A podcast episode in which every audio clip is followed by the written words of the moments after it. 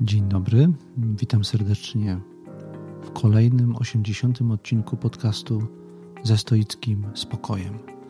Tematem głównym dzisiejszego odcinka jest dzielenie się, o czym ja powiem niewiele, albowiem do takiego podzielenia się chcę zaprosić uczestników i uczestniczki, kilkoro z nich, ostatnich warsztatów stoickich stacjonarnych organizowanych przeze mnie. Zapraszam do słuchania.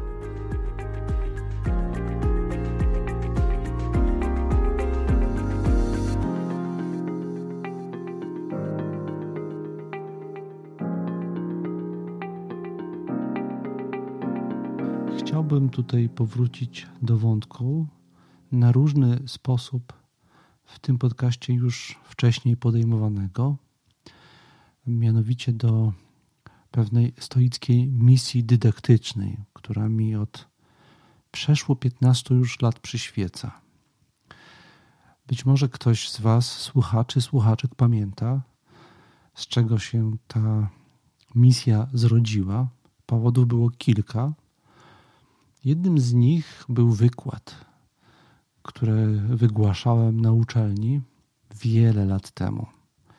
Mógł to być rok 2006, może, może wcześniej nawet. Myślę, że to mogło być nawet w 2004 albo 2003 roku. Otóż był to wykład e, z zakresu filozofii psychologii. Miałem kiedyś taki projekt dydaktyczny dla studentów zaocznych w Instytucie Filozofii Uniwersytetu Warszawskiego. Prowadziłem wówczas wykład na tematem tego akurat konkretnego wykładu była jedna ze współczesnych teorii psychologicznych określanych mianem transpersonalnych. Ja w trakcie badania narodzin tej teorii i jej istoty ustaliłem, że jednym z jej przesłanek podstawowych była inspiracja buddyjska. Wtedy też podczas wykładu pozwoliłem sobie w dyskusji ze studentami, po wykładzie już, kiedy właśnie była, był czas na dyskusję, wyrazić zdziwienie, dlaczego tak wiele współczesnych badawczych nurtów w psychologii zachodniej i nie tylko w psychologii zachodniej tak chętnie czerpie inspirację między innymi z buddyzmu, ale ogólnie bardzo często z filozofii i religii wschodu podczas gdy przecież na naszym rodzimym, zachodnim, w szerokim tego słowa znaczeniu gruncie istnieje bardzo wiele zaszczytnych tradycji duchowych, takich jak stoicyzm czy epikureizm, z których czerpiemy dużo rzadziej i dużo bardziej powściągliwie.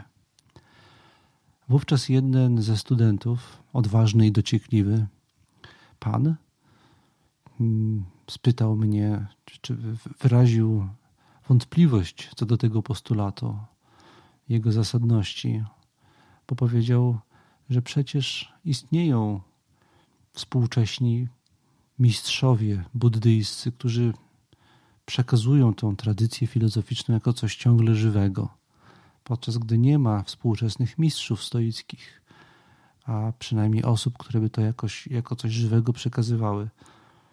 Mnie to wówczas tknęło, że faktycznie tak jest. I to był sam początek XXI wieku. I od tamtego czasu chodziła mi w głowie myśl, żeby ten stoicyzm zacząć przekazywać, żeby jakoś tą wiedzę o stoicyzmie szerzyć, testować go na sobie i na innych, żeby zobaczyć, czy ta tradycja duchowa zachodnia cały czas może okazać się nośna żywa. Przynajmniej do mnie ona przemawiała, kiedy czytałem wtedy jako akademik teksty Seneki, Marka Aureliusza i jakieś opracowania i przeżywałem pewnego rodzaju intelektualną fascynację tym, co głosili, rozmachem systemu filozoficznego, jaki leżał u podstaw tego podejścia, ale także heroizmem i pięknem postawy, którą głosili i, i nierzadko reprezentowali. Zacząłem więc powoli od tamtego czasu przymierzać się do tego, żeby podejść do tematu bardziej praktycznie. Ten długi wstęp mm, ma służyć temu, żeby powiedzieć, że ja najwięcej w efekcie tego o stoicyzmie, także dla swojej własnej, osobistej, duchowej praktyki stoickiej zrozumiałem, wyniosłem, nauczyłem się nie dlatego, że czytałem teksty i ich uczyłem, ale dlatego, że wszedłem w żywą interakcję z innymi poszukującymi ludźmi i najwięcej nauczyłem się od nich w trakcie tego, kiedy ja chciałem się ich czegoś nauczyć. Wydawało mi się, że coś dobrze rozumiem w postawie stoickiej, w filozofii stoickiej, w technikach stoickich. I z tym rozumieniem zabierałem się do sprawy, i z tym rozumieniem także przychodziłem na spotkania wszelkiego rodzaju, wykłady, seminaria, warsztaty filozoficzne, stoickie. I razem z tym moim rozumieniem i z tymi osobami, które na te warsztaty yy, przybywały, zabierałem się do rzeczy i okazywało się dopiero w takiego rodzaju podejściu i w tej praktyce, w praniu, że tak powiem, okazywało się bardzo często, że tam jest bardzo wiele luk w tym, co ja rozumiem, że nie, nie wszystko dobrze chwytam w ogniu pytań, ciekawości, odmienności spojrzeń uczestników spotkań. E, moje rozumienie ulegało pogłębieniu i moja praktyka stała się bardziej efektywna.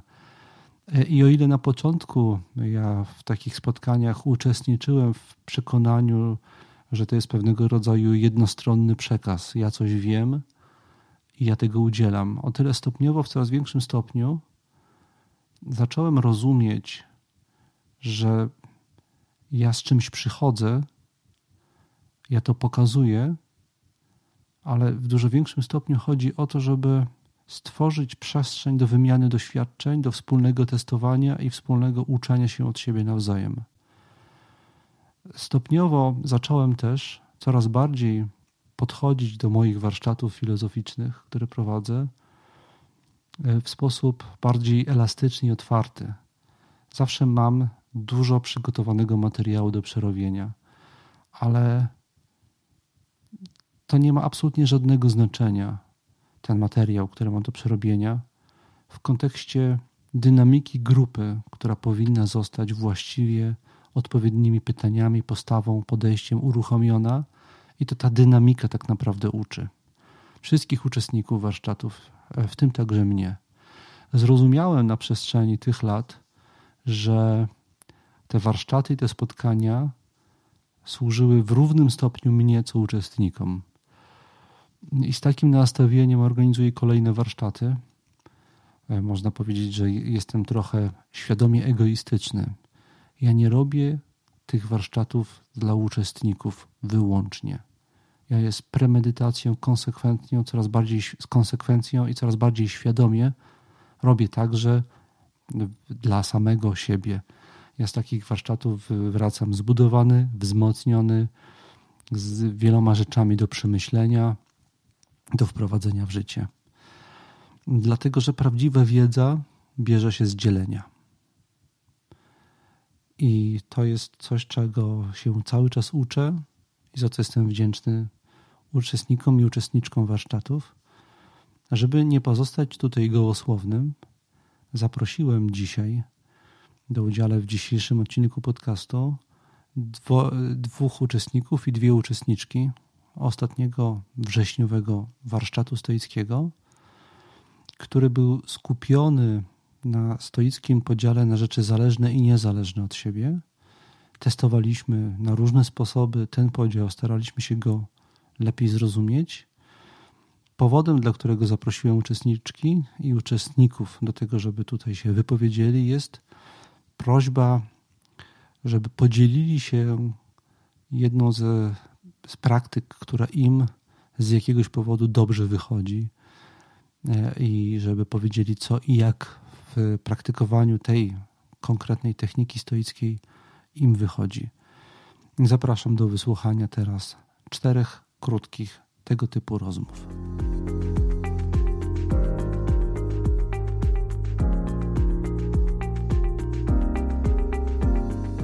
A ja witam z nami już Justynę, uczestniczkę warsztatów stoickich, do, których, do której mam zapowiedziane już tutaj pytanie dotyczące ulubionej, wybranej, skutecznej metody praktyki stoickiej, która jej się sprawdza. Justyno, witaj.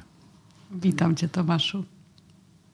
jaka jest praktyka stoicka, technika stoicka, o której chciałabyś tutaj teraz opowiedzieć? Taka, która jest w Twoim życiu obecna i z jakiegoś powodu szczególnie Ci się sprawdza i przydaje? E, ja staram się praktykować codziennie przegląd siebie, mhm. E, który praktykuję rano e, przez co najmniej 5-10 minut. Jeżeli mam więcej czasu, to poświęcam na niego więcej czasu. I. Od jak dawna stosujesz tą praktykę? Bardzo regularnie od ponad pół roku. Mhm. A wcześniej od około roku zaczęłam podchodzić do tej praktyki e, z różnymi e, sukcesami, ale od ponad pół roku mam już taką ugruntowaną, można powiedzieć, codzienną praktykę tego przeglądu siebie poranną. A chcesz powiedzieć, jak w szczegółach ta rutyna u ciebie wygląda? Tak, więc po porannych czynnościach e, higienicznych i wypiciu kawy. No, to mam, ważny, ważny element bardzo, oczywiście. Mhm. E, mam wygospodarowaną przestrzeń, co najmniej 10, 10 minut na, na taki przegląd siebie. I y, jestem osobą tradycyjną, więc używam papieru i długopisu mhm. i notatnika, w którym ten przegląd, w którym ten przegląd siebie dokonuję. I y, Zaczynam od y, przypomnienia sobie przeczytania swojej hierarchii wartości, mhm. nad którą, którą wcześniej pracowałam. Czasami ją dopracowywuję również podczas tego przeglądu siebie. I, I przechodzę przez tę hierarchię, przypominam sobie, co tam jest, co jest dla mnie ważne i jak mój dzień mógłby wyglądać według tej hierarchii wartości. I ty wtedy coś notujesz, bo powiedziałeś, że używasz papieru, czyli dokonujesz jakichś zapisków przy tej okazji. Tak, tak. Zapisuję to, co e, mnie czeka danego dnia, czy to w, e, mhm. w perspektywie zawodowej, czy osobistej, czy jakieś e, różnego rodzaju rzeczy, które mam do wykonania w ciągu dnia.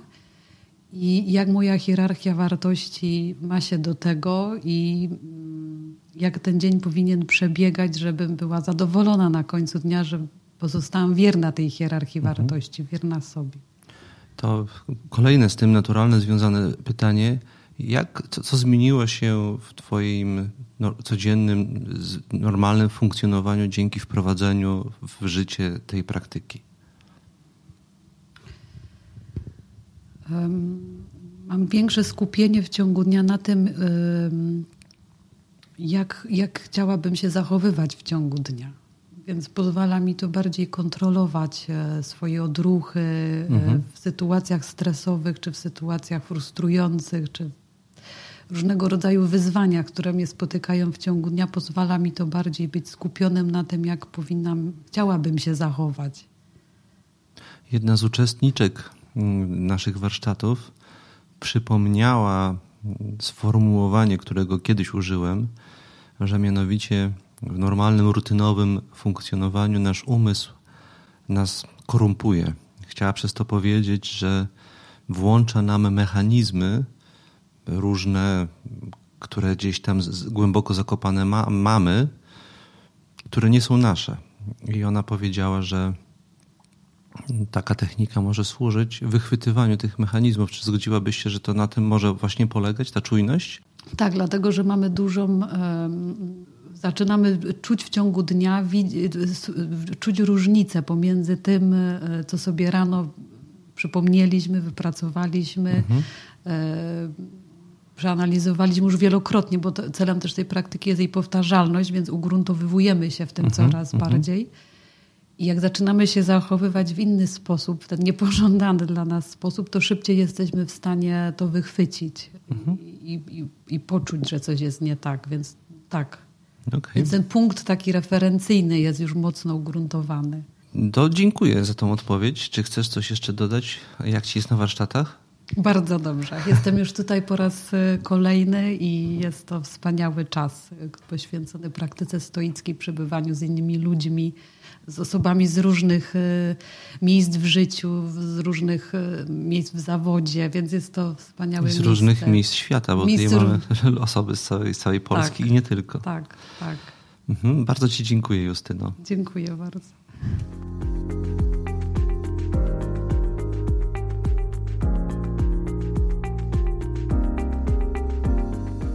Teraz z kolei witam z nami Macieja kolejnego uczestnika warsztatów stoickich Anno Domini 2022.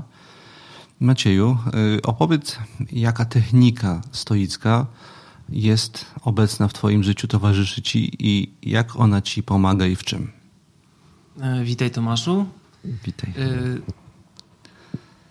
technika, która myślę, że ostatnimi czasy towarzyszy mi najbardziej, to perspektywa kosmiczna, aczkolwiek być może rozumiana w troszeczkę inny sposób, gdyż y, trenuję ją dystansując się bardziej w czasie.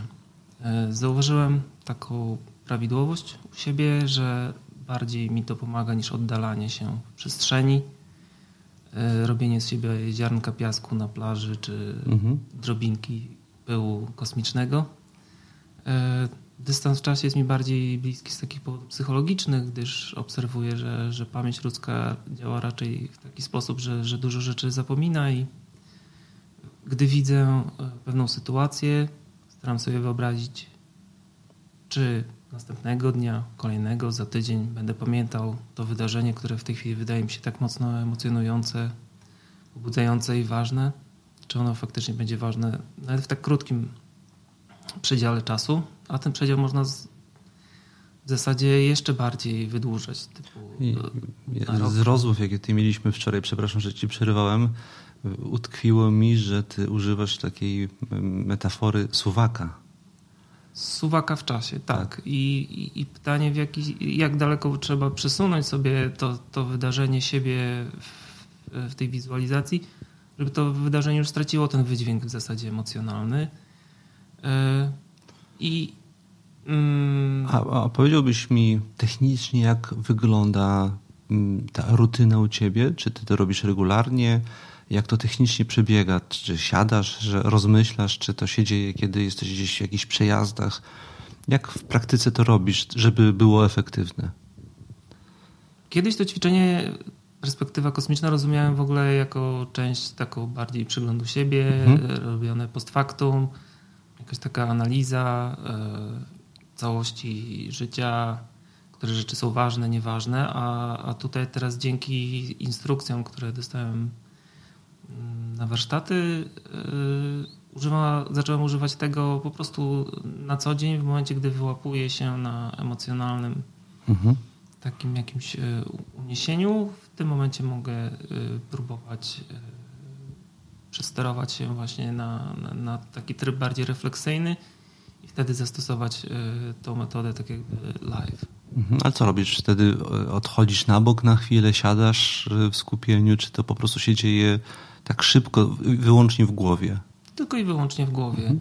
Ewentualnie mogę sobie powtórzyć jakąś mantrę typu wszystko przyjmie jak sen, która mnie naprowadza właśnie na, na, na taką refleksję. I to wywołuje pożądany efekt? Tak. Mhm. Jest to. Mm, też, też mnie to troszeczkę zdziwiło, ale uspokaja mnie na przykład w jakiejś takiej sytuacji faktycznie mniej lub bardziej stresującej na przykład dla mnie. Ale rozumiem, że sukces polega trochę na tym, żeby wyłapać, że jest taka sytuacja wymagająca zastosowania tej techniki. Zawsze ci się to udaje, żeby to na czas wyłapać? Mm, no zawsze to kwantyfikatory ogólne, mhm. to wiadomo, że, mhm. że, że, to zdanie będzie nieprawdziwe, ale wydaje mi się, że, że dość często się daje. Mm, wiadomo, że im jest trudniejsza sytuacja, typu jak duży jest element zaskoczenia, jak mhm. duży jest bodziec, e, no to obniża pe pewną szansę na, na, na powodzenie, ale myślę, że, że to jest właśnie kwestia jakiegoś tam treningu, żeby się w tym poprawiać. Jest jeszcze jedna rzecz, która mi utkwiła w głowie z naszych wczorajszych prac. Ty powiedziałeś, że w związku z pamięcią i, i, perspektywą czasową stosujesz jeszcze jedną interesującą technikę, o której ja przyznam szczerze wcześniej nie słyszałem. Mm, technikę kalendarza i zapisywania najważniejszych rzeczy. Opowiesz, chcesz o tym opowiedzieć? E, jest to technika nie jest wymyślona ona przeze mnie, jest mhm. zapożyczona. E, tygodniowy kalendarz życia. Mhm. Możemy go mm, wykonać w postaci fizycznej. Jest to wtedy taki duży arkusz e, papieru, który posiada 52 kolumny na każdy tydzień e, roku i w dół 100 wierszy na każdy rok życia. I te komórki wtedy, jeżeli go wykonujemy w postaci fizycznej, nie są małe, no bo nie chcemy mieć zatapetowanego całego domu tym, mhm. tylko potem 2 na 2 czy na 3 centymetry. I, I tam można wpisywać jakiś taki najważniejszy wydarzenia, najważniejsze rzeczy z takiego tygodnia, które chcielibyśmy, żeby nam. Ile, ile, tygodni, ile tygodni już masz zapisanych w ten sposób? Myślę, że mam kilk, e, może inaczej.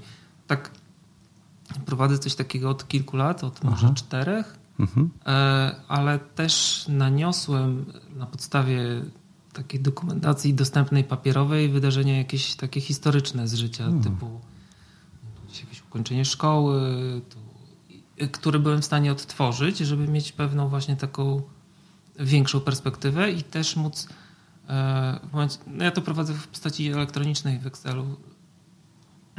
Można dzięki temu patrzeć sobie, co robiłem rok, dwa, trzy, pięć, bo co się działo. Co się działo, mhm. tak? E, w tym, jakim byłem człowiekiem, jakie rzeczy mnie pasjonowały. Jakie, co było dla ciebie ważne wtedy? Co było dla mnie wtedy ważne. Mhm.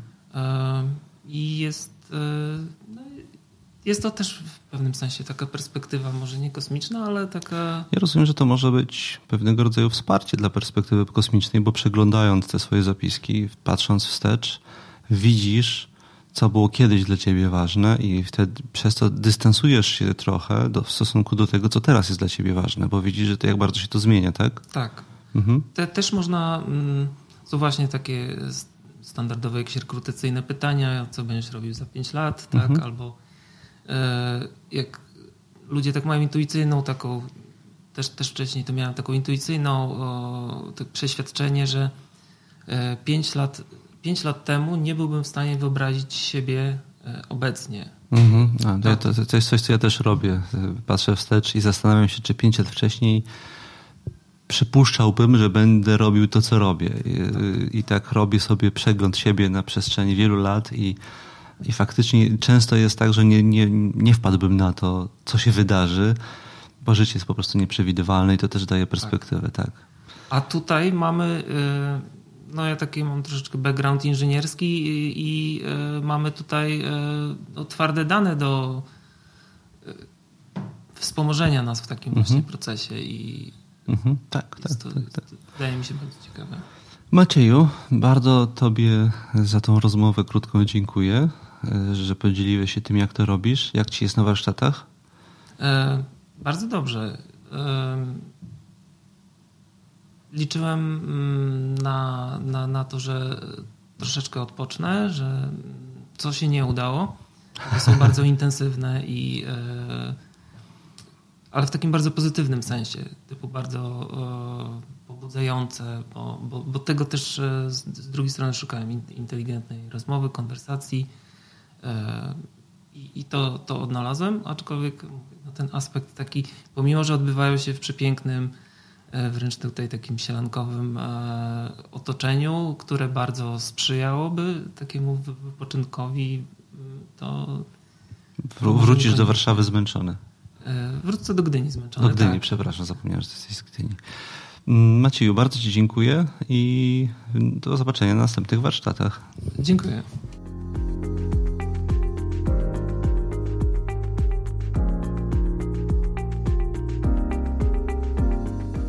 A ja witam już mm, w moim prowizorycznym, wyjazdowym studio Karola, kolejnego uczestnika mm, tych e, warsztatów stoickich. Witaj Karolu. Cześć Tomku. Karolu, y, ja pytam y, kolejnych tutaj zaproszonych przeze mnie uczestników o to, czy mają jakąś technikę stoicką, którą ostatnio szczególnie preferują i co ona im daje. I to samo pytanie chciałem Tobie zadać.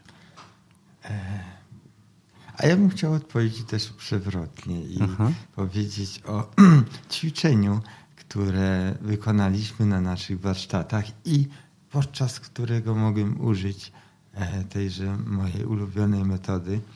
E, to było ćwiczenie, w którym odgrywaliśmy mm, rolę e, i przedstawialiśmy jakiś konkretny społeczny problem mhm. i podczas którego każdy z nas miał różne role. Ja miałem akurat rolę stoika, osoby, która miała całą sytuację uspokoić. I to było dla mnie fantastyczne mm, doznanie, mm, doświadczenie, podczas którego mogłem skonfrontować techniki stoickie e, z praktyczną e, sytuacją. Jeszcze miałem to szczęście, że miałem Ciebie pod bokiem i mogłeś e, udzielić mi paru cennych rad. Mm, I tak, to była sytuacja, w której nasz kolega miał, doznał kontuzji i dwie osoby chciały go namówić na to, aby kontynuował swój trening, natomiast ja e, miałem na, w tej scence, w tej scence mhm. pokazać koledze, czy też utorować go, postarać się, aby przedstawić mu potencjalne wyjścia z tej sytuacji. E, I taką, taką metodą stoicką, którą e, stosowałem podczas tego e, ćwiczenia. I ja, przepraszam, ci przerwę, tylko dodam dla słuchaczy, że ci koledzy, którzy brali udział w scence, ja byłem jednym z nich, byli bardzo emocjonalni i tutaj Karol miał taki pewnego rodzaju odpór tej emocjonalności dać i też ochronić siebie. To było jego zadanie. Dokładnie. I um, teraz wracając do um, E, mojego ulubionego ćwiczenia to jest definicja fizyczna, e, przedstawienie zjawisk dokładnie tak, jak się nam jawią, a więc oddzielając je od jakiejkolwiek oceny.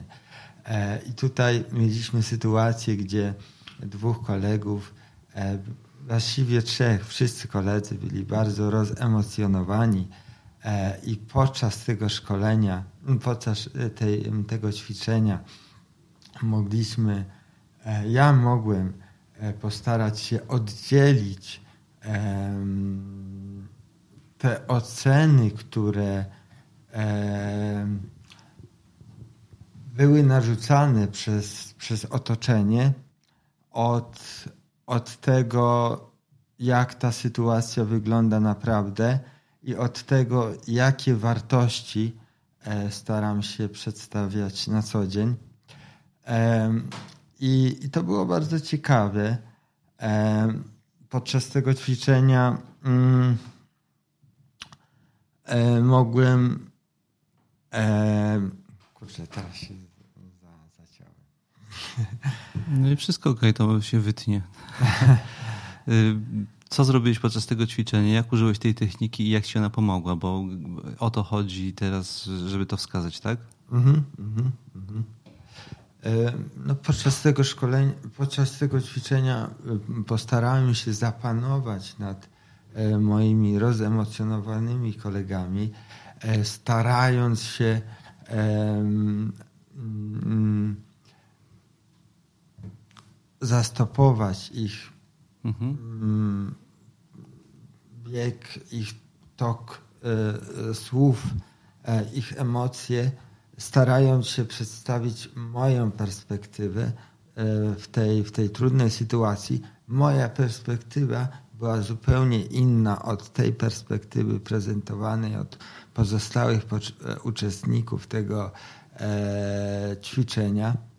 E, I, e, I to tak pozwoliło mi mm, wyciszyć tak jakby mhm. e, pozostałych uczestników i dało mi to pole e, do zaprezentowania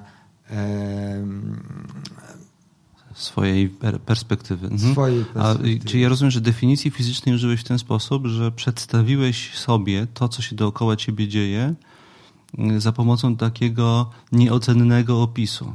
Tak? Tak, tak coś tak. takiego zrobiłeś w głowie tak. swojej i to ci pozwoliło nie, nie puścić emocji, które by zaburzyły kontakt z tym, co masz do powiedzenia. Dokładnie. Ja bym jeszcze zwrócił tutaj na jeszcze jeden aspekt uwagę. Jak jesteśmy... a, a, a, jeżeli mogę cię zapytać, przepraszam, czyli co, jak, jak, jakiego opisu użyłeś de, de, fizycznego tego, co się dzieje, że, że to zadziałało? No bo istotą definicji fizycznej jest próba opisania sobie w głowie sytuacji emocjonalnej, w której jesteś w sposób neutralny, bo tym, co nas uruchamia, to jest ocena, że coś złego się dzieje, tak? Mhm. Że ten y, rozemocjonowany koło mnie kolega, że to jest jakieś zło, y, że to jest to jakieś zagrożenie. I chodzi o to, żeby przestać tak patrzeć na tą rzecz. E, no to po pierwsze, moi koledzy nie byli moimi wrogami, tylko byli moimi kolegami, mhm. którzy przedstawiali albo swoje emocje, albo mhm. swoje interesy. Tak jak mhm. w przypadku trenera, który chciał. Miał jakiś interes. Miał jakiś interes w tym. Mhm. E... Czyli to przedstawili sobie w taki neutralny sposób, tak? Że to są ludzie, z którymi siedzisz, z którymi jesteś w jakiejś relacji i który każdy jakoś przedstawia swoją perspektywę i to jest naturalny proces i tak się po prostu dzieje. To nie jest żadne zagrożenie i to ci pozwoliło uzyskać dystans do tej sytuacji, tak? Tak, tak, mhm. tak, tak, tak. Zdecydowanie mhm. dystans, że, że jesteśmy razem jedną grupą e, i po prostu trzeba wybrna, wy, wybrnąć w sposób umiejętny z tej sytuacji. Okay. I to, tak, aby mhm. nikomu nie stała się krzywda. I chciałeś powiedzieć, że coś jeszcze przy okazji zauważyłeś.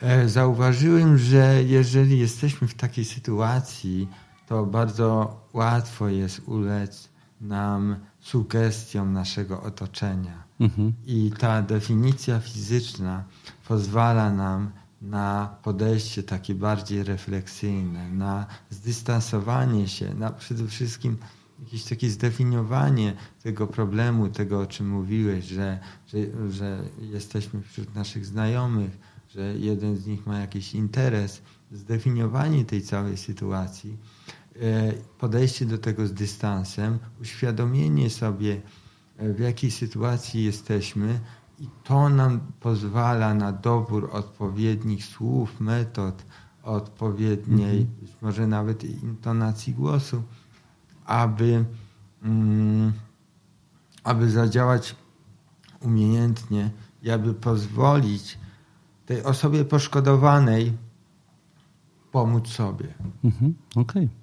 Okay. Karolu, dziękuję Ci za Twoją relację. Jak Ci jest na warsztatach? A Ty pierwszy raz jesteś na warsztatach stoickich. Przynajmniej, e, przynajmniej na tych. Przynajmniej na tych jestem pierwszy raz. No, fantastyczne. To jest e, e, doznanie, e, jakby to powiedzieć, experience, doświadczenie, skonfrontowanie siebie z z, z różnymi osobami, to jest taki, jakby to powiedzieć, tygiel e, różnych e, osobowości. E, każdy, każdy jest, jest inny, każdy ma, przy, przyjeżdża tutaj e, ze sobą z wiedzą na temat stoicyzmu i filozofii, ale też i ze swoimi doświadczeniami, ponieważ pracujemy w różnych, w różnych zawodach, e, w, różnych miejscach e, i to jest zawsze takie bardzo dla mnie atrakcyjne patrzenie na to, jak różni ludzie patrzą na, na, na, na, na sytuacje, na poglądy filozoficzne. W ten sposób możemy wspólnie dociekać w jaki sposób umiejętnie działać. Okej, okay, bardzo dziękuję Karolu. Do dziękuję. zobaczenia na następnych warsztatach. Do zobaczenia. Dzięki.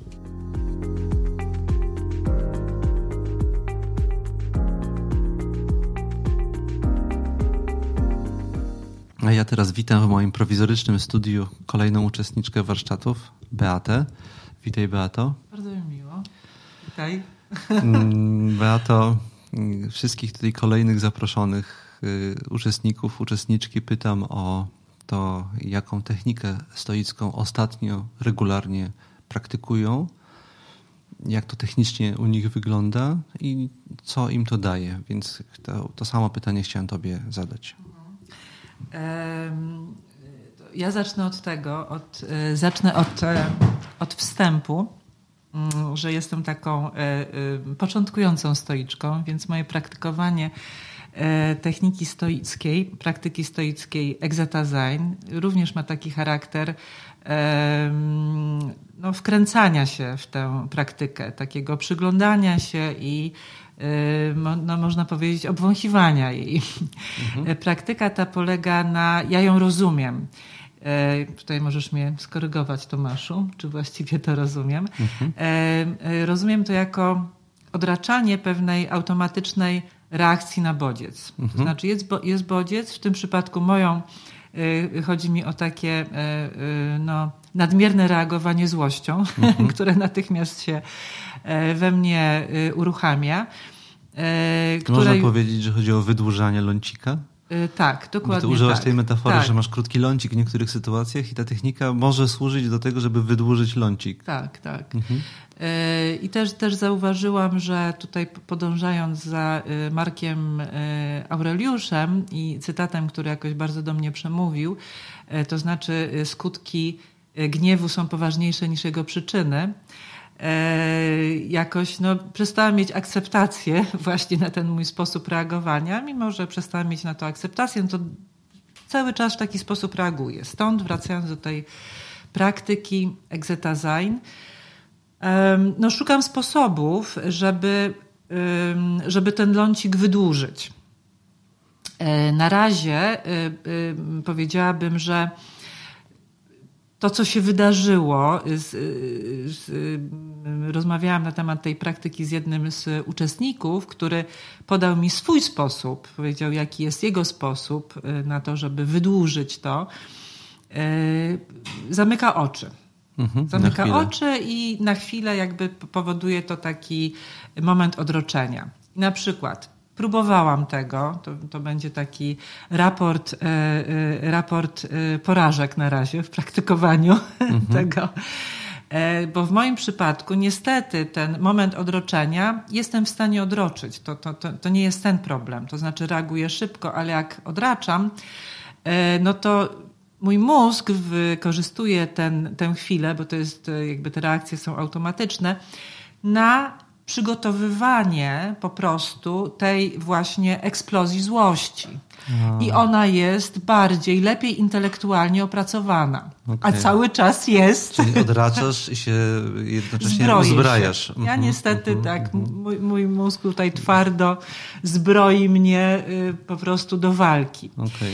Ja może e, dodam, że y, też tak dopytując, jak, jak ty to robisz, że cechą charakterystyczną tej techniki exetazein jest nie tylko odroczanie, bo to jest jakby skutek uboczny tej techniki i cechą charakterystyczną, przebiegiem istotnym jest zrobienie pewnego rodzaju przeglądu siebie, takiego szybkiego przeglądu siebie i zadanie sobie pytania w stylu Marka Aureliusza, jaką duszą teraz chcę robić to, co robię. To znaczy, z jakim, jakie schematy chcę uruchomić, żeby to zobaczyć i zadać sobie pytanie, czy one są moje. To jest kluczowy element tej techniki exetazain. On to oczywiście wymaga przestrzeni na to, bo to jak jesteś w gniewie czy w jakiejś emocji, to nie zawsze masz przestrzeń, żeby zadać sobie to pytanie, ale generalnie właśnie chodzi o to, że jak już jesteś w tym, mm, zaczyna się gniew, to jest taki krótki moment, żeby zamknąć te oczy i spytać się z siebie, zaraz, zaraz, ale co ja teraz chcę zrobić? Co, na co sobie pozwalam ze sobą? I czy to jestem ja taka, jaką chcę być? Czy może nie chciałem taka być? I to jest, jeżeli mamy przestrzeń, żeby zadać sobie to pytanie w trybie Exeta Zain, to, to stwarza szansę na to, żeby to zatrzymać i ukierunkować w inną stronę. Mhm. Taka jest istota tej, tej, techniki, jeżeli mogę tak troszeczkę mhm. do, doprecyzować. I czy udaje ci się przeprowadzić ten proces w całości? Mhm. Czy eksperymentowałaś z tym? E w tym momencie, mhm. w tych momentach, które mam na myśli, przeprowadzenie tego procesu w sposób taki, y, który proponujesz, y, y, który zaproponowałeś teraz i proponujesz w opisie tej techniki, no niestety nie jest możliwe, ale mhm. tutaj e, tutaj wyjaśnię może dla słuchaczy, dlaczego biję sobie brawo, tak, bo to też tak. jest bo to też jest tutaj metoda, czy taka, taka technika wprowadzona podczas warsztatu, która bardzo mi się podoba, takiej, takiego urefleksyjnienia tego, co mówimy. Mieliśmy taką zabawę podczas warsztatu. Jak ktoś powiedział ale, w jakiejś wypowiedzi, to y, dostawał brawa. Powiedział ale, czyli chodziło o to, żeby jakby no, kontrolować, czy uważać na to, co się mówi mhm. i tego ale unikać. Powiedział ale, albo powiedział y, myślę, że, czyli jakoś tam rozumiem, że to jest takie nadmierne skupianie się na ego. Mhm, tak, mhm, e, mhm. więc to... tak, taki był jeden z zamysłów i generalnie też chodziło w tej, w tej grze, to dodam do słuchaczy, że na, na cały czas trwania warsztatów mieliśmy taką grę, która ma, miała nas uczulić, czy uruchomić taki proces obserwacji tego, jak mówimy.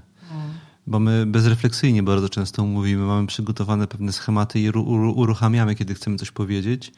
I czasami te schematy konstruują y, interakcje w sposób, y, y, który nie zawsze jest dobry, a można się temu przyjrzeć z boku i zmienić trochę ten, ten, ten sposób.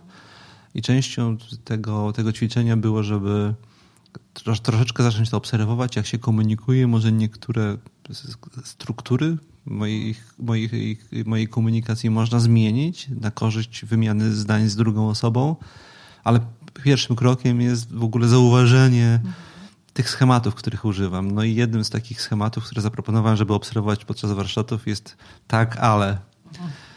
Y, bo my bardzo często tego używamy i żeby zobaczyć, kiedy to robimy i żeby to nauczyć się wychwytywać. Mhm.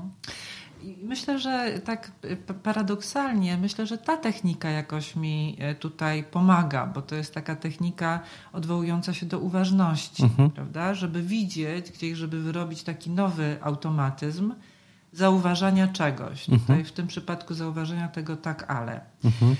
E, więc Mam nadzieję, że to mi pomoże i taki pomysł, który mam na to, żeby sobie radzić właśnie z tym odraczaniem, wydłużaniem lądu, jakby, jakby zauważyłam, jak pracowałam z jakąś konkretną sytuacją, w której ten gniew się pojawił, jakby jak yy, wyszłam z tej sytuacji, gdzieś tam udało mi się być po stronie tej osoby, na którą się y, tak, tak rozgniewałam, poczułam mhm. taką złość, jakby zrozumieć jej motywację to pomyślałam, że mi by pomogło takie, to może dziwnie zabrzmi, ale jakoś jest mi to wewnętrznie bliskie, takie uśmiechnięcie się do mojej złości. Mhm. To znaczy takie jakby zobaczenie, bo też nie chodzi mi o to, żeby ignorować, znaczy y, jestem przy sobie czując tę złość myślę, że to jest słuszna złość, słuszny gniew.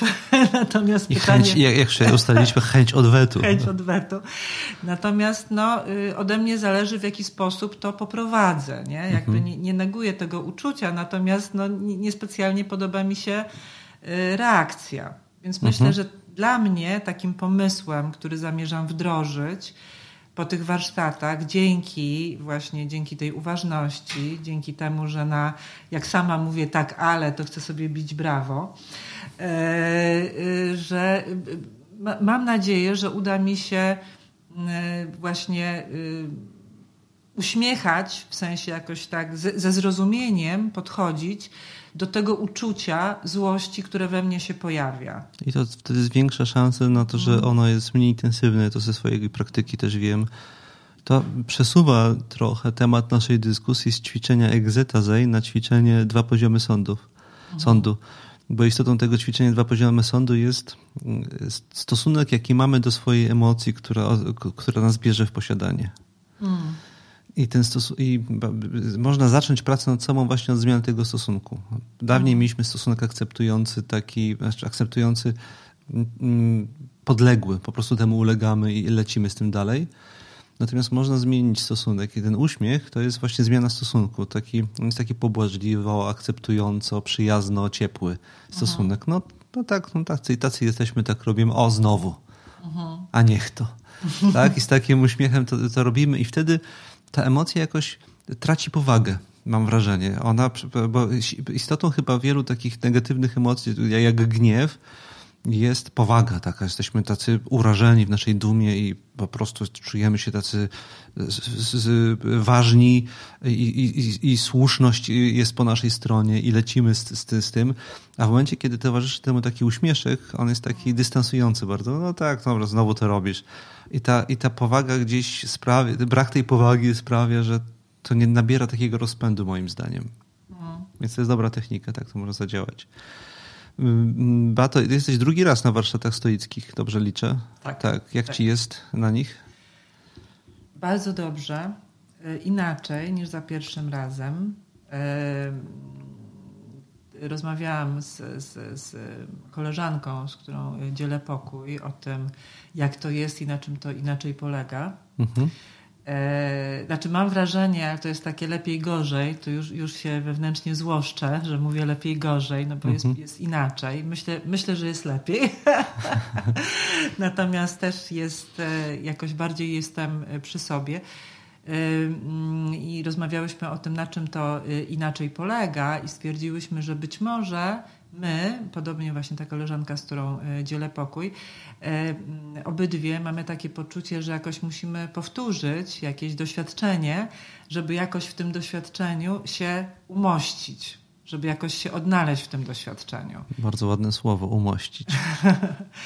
E, I e, jest mi, e, jest mi świetnie, jest mi w ogóle, muszę powiedzieć, że patrzę z takim, to co się dzieje podczas tego warsztatu, ja mam wrażenie, że dzieje się coś wyjątkowego. Mam dużą przyjemność z obserwowania takiego bardzo interesującego procesu grupowego, w którym jest takie dzielenie się tyloma pozytywnymi mm, emocjami, ale też takimi otwartość w dzieleniu się intelektualnymi wglądami i też takie poczucie bezpieczeństwa, że to dzielenie się jest, e, że w tym miejscu to podzielenie się w ogóle może dojść do głosu, właśnie można sobie na to pozwolić. Wystawienie się na ocenę innych osób jest jak najbardziej e, bezpieczne i uprawnione.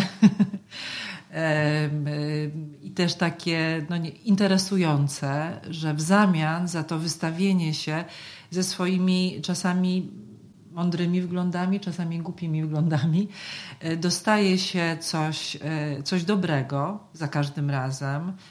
E, też różnorodność ludzi, ich postaw, też Tomaszu, twój, twoje podejście do uczestników właśnie do tych rzeczy, które mówimy, które, y, które w, y, no, być może y, niekiedy wymagałyby jakiegoś skorygowania. W żadnej z Twoich reakcji nie widziałam, nie odczytałam czegoś, co właśnie byłoby skorygowaniem. To znaczy, że jakby widzę taką głęboką akceptację tego, jacy jesteśmy, jaki jest każdy z uczestników.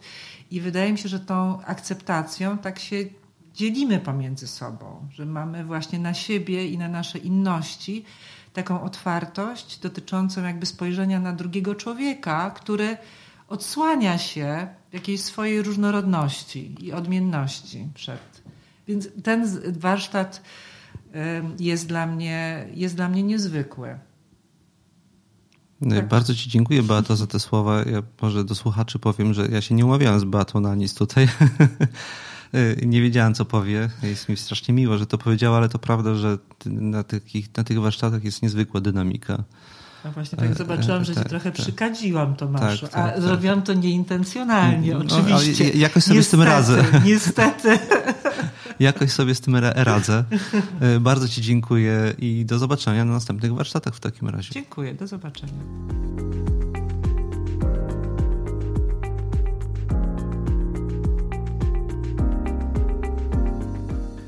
Wypowiadają się i dzielą z nami uczestnicy i uczestniczki ostatnich warsztatów stoickich organizowanych przeze mnie stacjonarnie pod Warszawą. Dynamika tych warsztatów, atmosfera, która podczas tych rozmów, jakie tam prowadzimy, nam towarzyszy, moim zdaniem zdecydowanie falsyfikuje tezę wygłoszoną w jednym z odcinków mojego podcastu przez Erika Wigarda, stoika z, z Kalifornii.